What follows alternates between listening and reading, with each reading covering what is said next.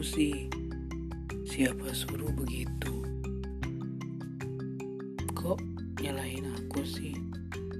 Emangnya semua salahku ya? Iyalah, kamu aneh. Coba dari awal nggak begitu. Mungkin nggak bakal kejadian kayak sekarang. Tapi, apa salahnya juga? Kamu bisa mencoba bahkan terlihat menikmati hingga titik ini.